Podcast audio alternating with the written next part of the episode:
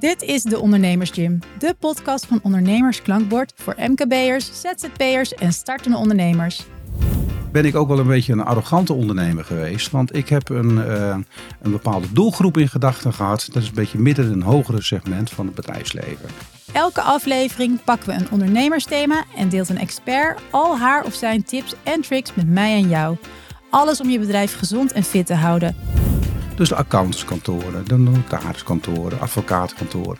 Die heb ik ook eigenlijk hoofdzakelijk als klant gehad. En die heb ik uh, bereikt onder andere door mijn tarivering. Mijn naam is Sarah Monster en ik ben sinds 10 jaar ondernemer met meerdere activiteiten op het gebied van media, marketing en e-commerce. Als ik iets heb geleerd de afgelopen jaren is het dat geen dag hetzelfde is en dat je nooit weet wat er nu weer op je pad gaat komen. Daarom ben ik heel benieuwd naar de kennis van onze expert van vandaag. Vandaag is Rob Drent de gast in de Ondernemersgym. Rob is ondernemer in de boten en werkt daarnaast ook voor en met ondernemers. Hij weet hoe je betaald krijgt voor wat je waard bent. Want welk uurtarief kun je vragen voor het werk dat je doet voor een opdrachtgever? Met welke dingen moet je rekening houden en hoe zorg je dat je jezelf niet uit de markt prijst? Het is een veelbesproken onderwerp onder freelancers en andere ondernemers en ik ben heel blij dat we het vandaag voor eens en voor altijd duidelijk gaan krijgen. Welkom Rob, no pressure. Maar met jouw ervaring en expertise moet het waarschijnlijk een eitje zijn om voor jou, uh, om voor jezelf je uurtarief te verantwoorden. Hoe doe je dat? Ja, dat is vooral uh, goed om je heen kijken, is mijn ervaring. kijk wat gebeurt er in de markt, uh, wat vraagt de concurrent. Ik zeg wel eens van, als je een advocaat nodig hebt en uh, je belt Moscovic. Ja, ik geloof dat zijn broer nu nog in de markt is. Maar dan heb je een ander uurtarief dan wanneer je de advocaat om de hoek belt bijvoorbeeld. Dus kijk eerst heel goed even naar jezelf. En wees daarin ook uh, kritisch en eerlijk, maar ook vooral niet te bescheiden. Want dat is wat ik veel zie bij startende ondernemers. Dat ze te laag gaan zitten eigenlijk. Dat ze te laag gaan zitten, precies. Ja. Dat is best moeilijk om te bepalen van hoe weet je nou uh, dat je te laag zit. Ja, dat is inderdaad waar. Maar uh, anderzijds, je gaat wel ondernemen. Hè? Je, je, een ondernemen betekent dat je overal van bent. Hè? Van de boekhouding, van de marketing, van de verkoop. Dus ja, ga het maar bepalen. Gelukkig uh, leven we in een digitale wereld. Dus op communities, uh, LinkedIn, Facebook, maakt niet uit, TikTok. Kun je ook eens een keer wat gaan sparren met bestaande ondernemers. Maar nogmaals, kijk goed om je heen. Wat gebeurt er in de markt? Uh, denk aan die tip van de advocaat om de hoek of Moscovic. En ga vervolgens ook kijken, wat heb ik nodig aan uh, een uurtarief? Ja, uiteindelijk wil je natuurlijk omzet en winst uh, draaien. Exact, en wil je je kosten dekken. en dat, dat wil ik ook even naar voren brengen. Kijk heel goed naar je kosten. Tegenwoordig beginnen we natuurlijk veel, vooral in de zakelijke dienstverlening, vanuit huis. En dat is alleen maar mooi. Dat betekent lage kosten. Geen huur, geen energie, geen gas, licht van je huurpand. Maar dat is misschien ook wel des te moeilijker. Want ja, dan moet je ineens wel een, een, een uurtarief uh, gaan vragen. Gebaseerd waarop? Uh, ja. Dan zou je kunnen zeggen van oké, okay, ik kom op een heel laag uurtarief. Maar dat is niet verstandig. Want er is één gouden regel qua uurtarief. Naar beneden is makkelijker dan omhoog. Dus je kan beter net even te hoog inzetten. Eventueel zakken als, als dat nodig is. Of een korting geven. Precies. Je, oh ja. Je noemt het woord al korting geven. Ja. We zijn zelf ook allemaal consumenten hè? en wij vinden het ook leuk om korting te krijgen. Dus dat is heel charmant als je kunt zeggen van nou weet je wat, wanneer je wat weerstand uh, proeft of in welk moment van het offerte klantcontactstadium dan ook. Dat je kunt zeggen van nou ik heb er eens even goed over nagedacht en andere redenen. Ik verleen u uh, eenmalig uh, 15% korting. Dus eigenlijk, dan, als je dan, dan heb je eigenlijk tarief opbouwen. Hè, dan ga je kijken wat heb ik nodig. Dan noem je al um, je kantoor of je pand wat je eventueel gaat huren. Maar als je vanuit huis werkt, heb je daar niet echt veel kosten voor. Kan je wel gaan denken, nou in de toekomst heb ik het misschien wel nodig. En je wil, je wil een stukje inbouwen zodat je korting kan geven als je dat wil. Wat voor dingen moet je nog meer rekening houden?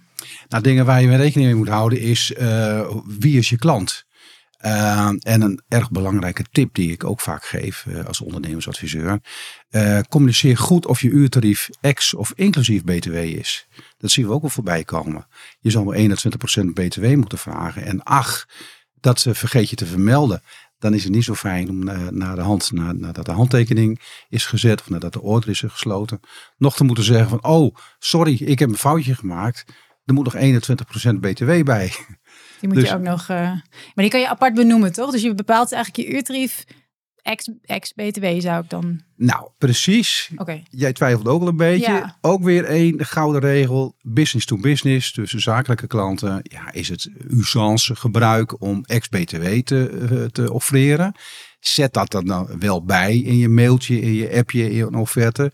Exclusief. En ook welk percentage, 21 of 9 procent. Maar business to consumer, hè, B2C noemen we dat, richting de particuliere klant is het gebruikelijk dat we inclusief BTW offreren. Dus daar hoef je de BTW eigenlijk niet uit te splitsen in je prijsstelling. Kun je gewoon zeggen van nou, in mijn geval een vaartocht kost eh 95 euro pp. Punt. En dan is, Bij- bereken jij zelf de BTW zeg maar terug tot wat het echt kost. Exact. Ja. zeker. Dat heb ik van tevoren dus al, eh, nou waar we het nu over hebben. In mijn uurtarief heb ik dat al berekend. En kijk, je kijkt dus, het is, wat ik lastig vind bij, bij je uurtarief bepalen, is dat je zowel rekening moet houden met, nou, wat is de markt, wat is de, maar je hebt ook gewoon met je eigen kosten te maken. Dus je maakt daar een opbouw van. En dan kan het natuurlijk ook zijn dat je denkt, ja, maar ik kom helemaal niet echt uit als ik die prijs moet vragen. Nou ja, en dan komt eigenlijk het fenomeen declarabele uren om de hoek kijken. Hè? Dat is precies wat je zegt. Ehm, dat, dat is een manier. Eh, als je zo een vuistregel neemt, dan zeggen we van, eh, van je declarabele uren. En bij fulltime ondernemen, dat, eh, en dan trek je de 30 dagen vakantie en feestdagen vanaf, kun je op jaarbasis ongeveer 1840 uren, uren ja, ondernemen, hè, eh, besteden aan je bedrijf. Maar van die 1840 uur, uur is maar maximaal 50 tot 60 procent declarabel. Ja, dus die, je- die je kan factureren aan een klant. Exact. Ja. Ja. Want ja, je moet ook eh, eh, ontwikkelen, je moet marketing doen, je moet eh, je postjes op Insta klaar hebben, klaarmaken, op TikTok. Je moet naar die netwerkbijeenkomst. Dus van je totaal aantal uren, als je dat goed onthoudt, is maar maximaal 60% declarabel. Dus Hoe ga je daarmee om dan? Ja, precies. Rekenen. Gewoon de rekenmachine in de hand. En dan kom je op een. maar ik ga nu uit van fulltime ondernemen. We zien natuurlijk ook heel veel mensen, daar ben ik er zelf ook een van, die parttime ondernemen. Dus die eh, 1840 uur, ja, daar gaat voor mij al eh, meer dan de helft vanaf. Qua, eh, declara- qua besteedbare uren. En dan nog weer 50 procent. En Kijk jij ook eh, voor jezelf, maar ook bij andere ondernemers, kijk je ook bijvoorbeeld naar wat wil ik eigenlijk per maand omzetten slash verdienen om, eh, als je ZZP'er bent, bijvoorbeeld gewoon om, om jezelf een, een redelijk salaris uit te kunnen keren, dat je het op die manier terugrekent? Ja, dat is, een, dat is een manier. Ik zelf doe dat niet. Ik zeg wel eens, ik verkeer een beetje in de luxe positie dat ik een baan heb van vier dagen in de week. Dat is mijn hoofdinkomen. Dus zo zijn er veel meer mensen. Maar ik vind het ondernemen zo leuk. Dus eigenlijk ben ik, nou niet helemaal, maar toch voor een groot deel voor de leuk aan het ondernemen. Maar ik leer er ook heel veel van. Ik ben heel nieuwsgierig van aard. Eh, mijn vaste kosten heb ik als uitgangspunt genomen tot eh 1 januari van dit jaar, dus wel bijna een jaar geleden, eh, deed ik vaartochtjes voor eh, kleine groepen op het Wad, op de Waddenzee, bij het uh, met mijn zeewaardige rubberboot, de RIP noem je dat ook wel, kon ik maximaal 12 passagiers meenemen. Eh, ik rekende eigenlijk heel simpel eh, de brandstofkosten, mijn uren rekende ik, heel eerlijk gezegd, nou bijna niet. Dat is dan eigenlijk een luxe, want normaal zou je dat wel moeten rekenen natuurlijk. Exact, exact. Maar ik, ik wilde in ieder geval de vaste kosten gedekt hebben. Plus wilde ik er ook nog wat aan overhouden. Dat was mijn filosofie. Ja, dus eigenlijk heb jij ook zelf gekeken naar wat vind ik belangrijk, waarom doe ik, waarom doe ik dit, waarom ben ik aan het ondernemen. Sommige mensen doen het part-time, is niet hoofdinkomen. Andere mensen zullen dat fulltime doen en hebben het wel nodig. Dus op basis daarvan ga je ook kijken hoe je je tarief eh, bepaalt. Maar dan krijg je dus wel fluctuaties in, in tarieven, dit binnen dezelfde branche misschien. Hoe zorg je dan, ja, je wil niet te goedkoop zijn, maar je wil ook niet te duurste zijn. Dat is een hele goeie wat je nu zegt. Want uh, uiteindelijk, uh, uh, en dat, dat is een beetje echt een inkijkje in mijn keuken, ben ik ook wel een beetje een arrogante ondernemer geweest. Want ik heb een, eh, een bepaalde doelgroep in gedachten gehad. Dat is een beetje midden een hogere segment van het bedrijfsleven. Dus de accountantskantoren, de notariskantoren, advocatenkantoren. Die heb ik ook eigenlijk hoofdzakelijk als klant gehad. En die heb ik eh, bereikt, onder andere door mijn tarivering. Beetje hoog. Beetje hoog. Iets Heel meer simpel. luxe. Iets Heel meer luxe bootervaring. Exact, ja. Ja, dus eigenlijk zeg je ook van maar je tarief draagt ook bij aan de uitstraling die je hebt als, bedrijf. Als bedrijf. Exact, dat is zeker waar. Want eh, dan draai ik het weer even om. We zijn zelf ook consument. Uh, als wij ergens een, um, ik noem maar wat, een, een, een iPad, een, een, tablet zien staan voor een belachelijk lage prijs bij de mediamarkt, ik noem maar wat, hè, je loopt in de mediamarkt rond. Ik durf bijna wel te wedden dat 9 van de 10 consumenten denken van, hmm, dat weet ik niet. Is dat wel helemaal goed? Om maar even een heel klein voorbeeldje te noemen. Dus inderdaad, met tarief geef je heel veel af.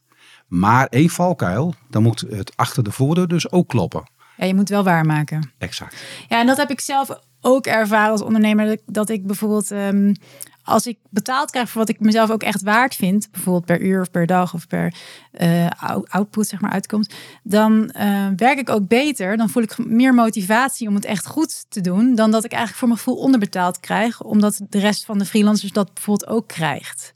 Dus een uurtarief werkt ook voor jezelf als motivatie. Van dit ben ik nou eenmaal waard en dan lever ik het beste. Maar eh, dan, dan stel ik jou de vraag, even als ondernemers onder elkaar. Uh, wat gebeurt er als jij een, een, een goede klant uh, te horen krijgt? Je bent veel te duur. Ja, dat we, ja. Nou, wat doe je dan? Nou, dat heb ik ook wel eens gehad. Ik heb uh, enkele keren de klant vervolgens gewoon veel succes gewenst met het volgende uitje.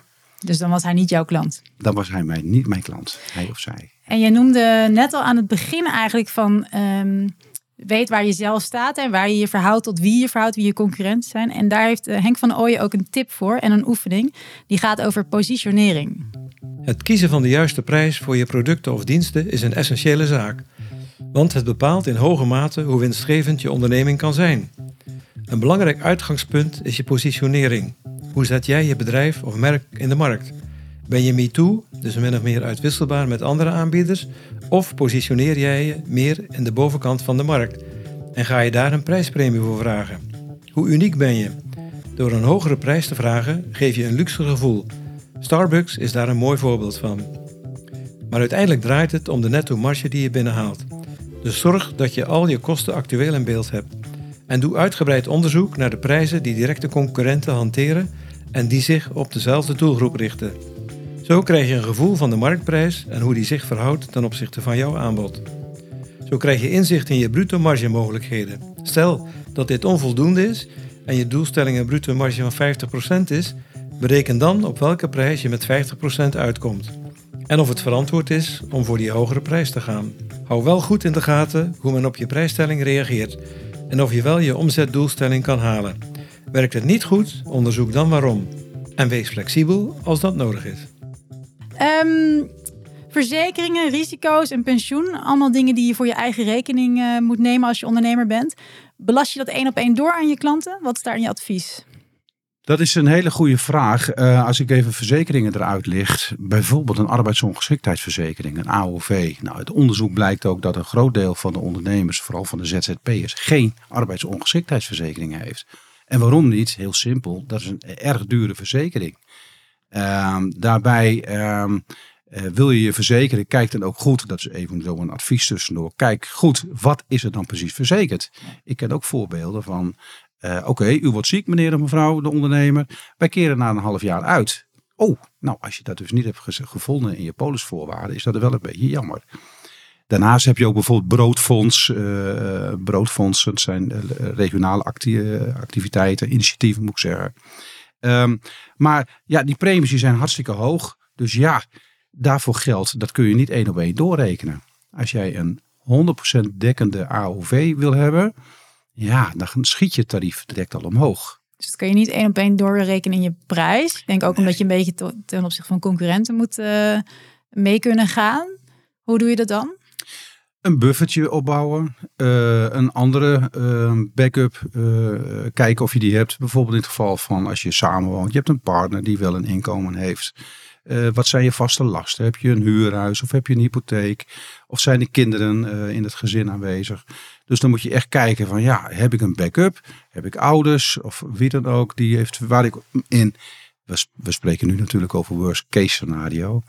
En daar zijn we niet zo heel goed in als ondernemer. Maar ik adviseer dat om het wel te doen. Dus kijk naar andere backups. En dan maar geen AOV. We hebben natuurlijk de laatste tijd heel veel te maken met uh, inflatie. Kosten gaan omhoog. Je, ook als je thuis werkt, dan nog, ook gaan je kosten omhoog. Maar ook bijvoorbeeld de huur voor een kantoorruimte of iets dergelijks. Kun je tussentijds je uurtarief aanpassen? Nou, daar heb ik eigenlijk een heel simpel antwoord op. Um, en nogmaals, pas weer die truc eh, toe eh, om jezelf ook als consument te beschouwen. Hoe vaak krijg je niet een berichtje, een mailtje, een brief? En wat staat er dan altijd in? Wij hebben onze tarieven aangepast. Nou, dat vind ik een hele mooie truc. Dat kun je misschien zelf ook gebruiken. Dus één, ja, je kunt je tarieven aanpassen. Iedereen begrijpt in deze tijd dat je een soort van inflatiecorrectie toepast. Ik heb ook al wel berichten gezien dat er een brandstofcorrectie plaatsvindt. Heb je een, uh, zoals ik had tot afgelopen jaar, activiteit wat, wat iedereen snapt, die dan veel brandstof kost bijvoorbeeld. Ja, dan snapt, een, uh, snapt iedere klant van je dat de, de brandstofkosten omhoog gaan en dat je die doorrekent. Ik, uh, ik vind wel, wees altijd transparant in je tarivering. Communiceer dit. Ik, ik kan ook niet meer zo een ander tarief gaan rekenen. Communiceer het, leg het uit. Uh, wat ik ook al voorbij zie komen is dat je mensen alvast waarschuwt. Bijna een soort van winstwaarschuwing. Van nou, volgend jaar ziet het er naar uit gezien inflatie, stijgende brandstof. Dat we onze tarieven zullen moeten aanpassen. We zijn nog druk aan het onderzoeken, maar we hopen, nou ja, we hopen dat u wel klant blijft. Bla bla bla. Dus dan geef je eigenlijk de keus van nou, als je het te duur vindt worden, dan zou je. Het is wel spannend. Dat is heel spannend. Is eng. Ja, hetzelfde. Ik heb dat namelijk ook. Dit zie je ook wel dat bijvoorbeeld freelancers, naarmate je meer ervaring hebt, dat je op een gegeven moment denkt, nou, nu mag mijn uurtarief wel omhoog, want ik ben van startend freelancer naar meer ervaren freelancer gegaan. Ook dat zul je op een gegeven moment uh, onder oog moeten komen met een, een uh, tariefwijziging. Dat kun je niet verkopen aan je klanten. Dan dat, moet je eigenlijk per opdracht misschien dan omhoog gooien. Zou je, adviseren? Dat kun je niet verkopen aan je klanten. Van nou, sorry klant, maar ik ben nu zo uh, deskundig. En ja, die klant die heeft er geen boodschap aan. Dus dan draai ik het wederom om.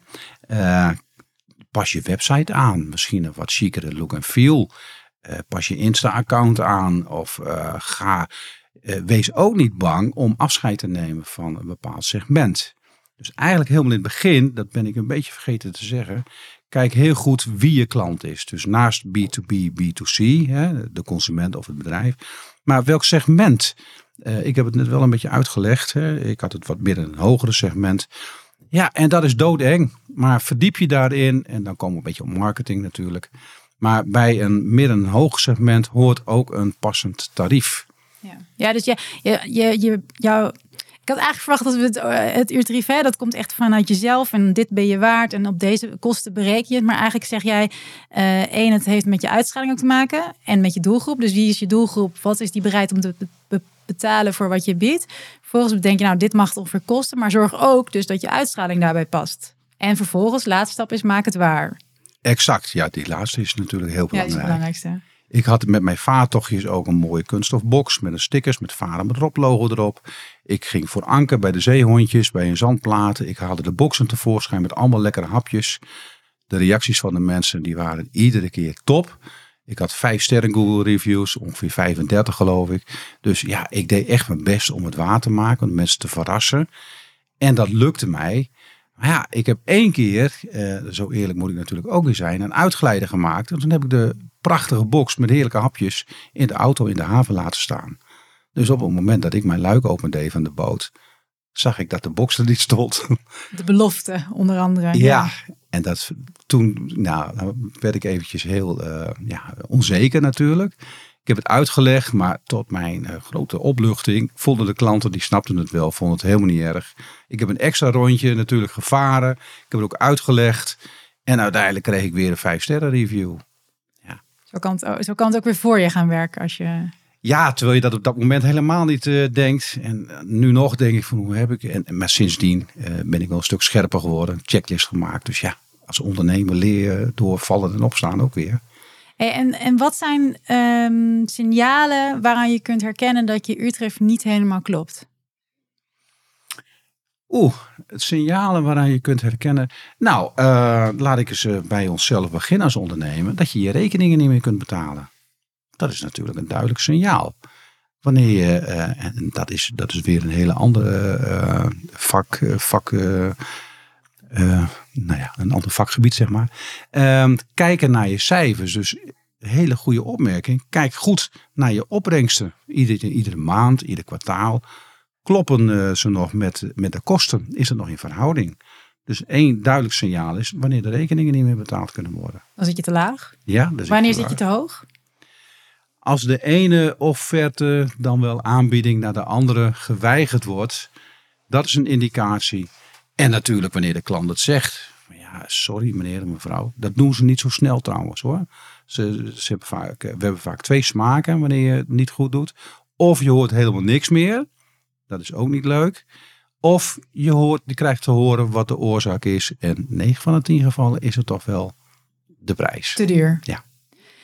Heb jij ook wel eens onder, eh, of zie je dat bij andere ondernemers, dat je gewoon eens rondbelt? Van wat is jouw uurtarief eigenlijk of hoe, waar baseer je dat? Zodat je het kan vergelijken. Want er wordt natuurlijk niet openlijk gepraat vaak over geld. Maar hoe zorg je dan toch dat je een beetje weet wat de rest aan het doen is? Nou, dat vind ik echt een gouden tip. Want eh, als ondernemersadviseur bij KVK zeg ik dit dus vaak tegen andere ondernemers. Heb je wel eens de concurrent gebeld, de conculega? Bijvoorbeeld, je wil een kinderopvang starten in Noord-Nederland. Dan is het helemaal niet erg om een, soortgelijk bedrijf in Limburg eens even te bellen. Dan is het ook helemaal niet onerg, hè, het gebeurt online, helemaal niet erg.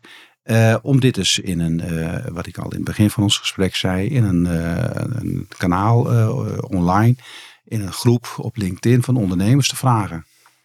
Dus mm, dat is een hele goeie. Dus het kan best, maar je Ja. moet wel weten aan wie het vraagt misschien. En niet je directe concurrent, maar één, één treetje verder, zeg maar. Ik wist duidelijk, ik wist eh, haar fijn wie mijn concurrenten waren. En die ging ik natuurlijk niet vragen. Nee, zeker niet.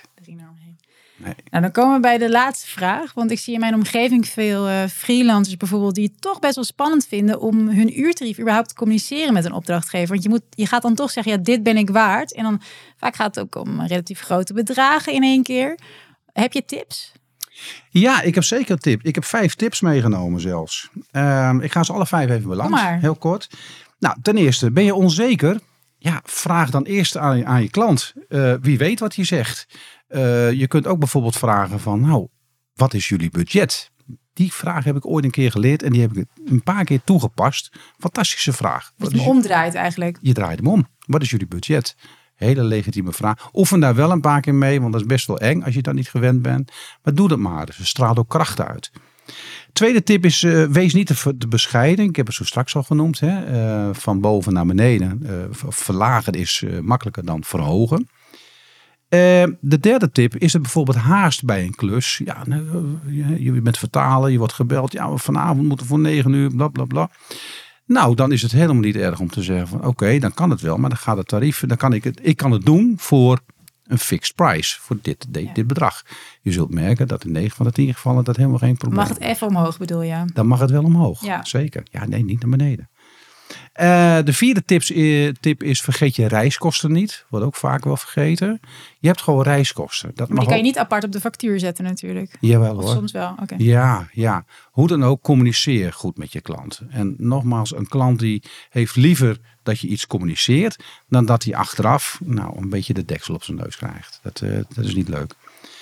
En als, als laatste, ik heb hem eigenlijk al genoemd, offereer altijd inclusief of exclusief BTW. En hou ook goed in de gaten, moet je 9% heffen of 21%. Dat is, eh, ja, en het kan ook zijn dat je binnen je eenmanszaak meerdere activiteiten doet. Dat dus de ene activiteit onder het hoogtarief BTW valt. En het andere, eh, de andere activiteit onder het laagtarief. Dat kan. En een offerte is wel ook echt een tip van jou, hè? Dat je het eh, even zwart op wit zet. Niet te veel, niet te hoogdravend, maar ook weer niet te bescheiden. En misschien wel heel afwijkend. Je doet hem zwart-wit, eh, verder niet te veel poeha eromheen. Of je doet hem juist heel kunstzinnig. Maak die offerte gewoon helemaal eh, zoals jij bent. Ook weer passend bij je uurtarief. Passend bij je uurtarief. Ja, zeker. Nou, hartstikke goed. Dankjewel Rob. Ik heb hier heel veel aan gehad en ik hoop de luisteraar ook. Fijn dat je er was. Nou, heel graag gedaan. Dank voor de uitnodiging. Dit was De Ondernemers Gym, een podcast van Ondernemers Klankbord voor MKB'ers, ZZP'ers en startende ondernemers. Deze podcast helpt je een stap verder in het ondernemerschap. Ondernemersklankbord helpt ondernemend Nederland vooruit. Wist je dat wij het klankbordtraject aanbieden? Dat is een één op één traject met een adviseur van Ondernemersklankbord die jou zes maanden lang persoonlijk begeleidt. 300 vrijwillige adviseurs door het hele land staan voor je klaar. Ga voor meer informatie naar ondernemersklankbord.nl.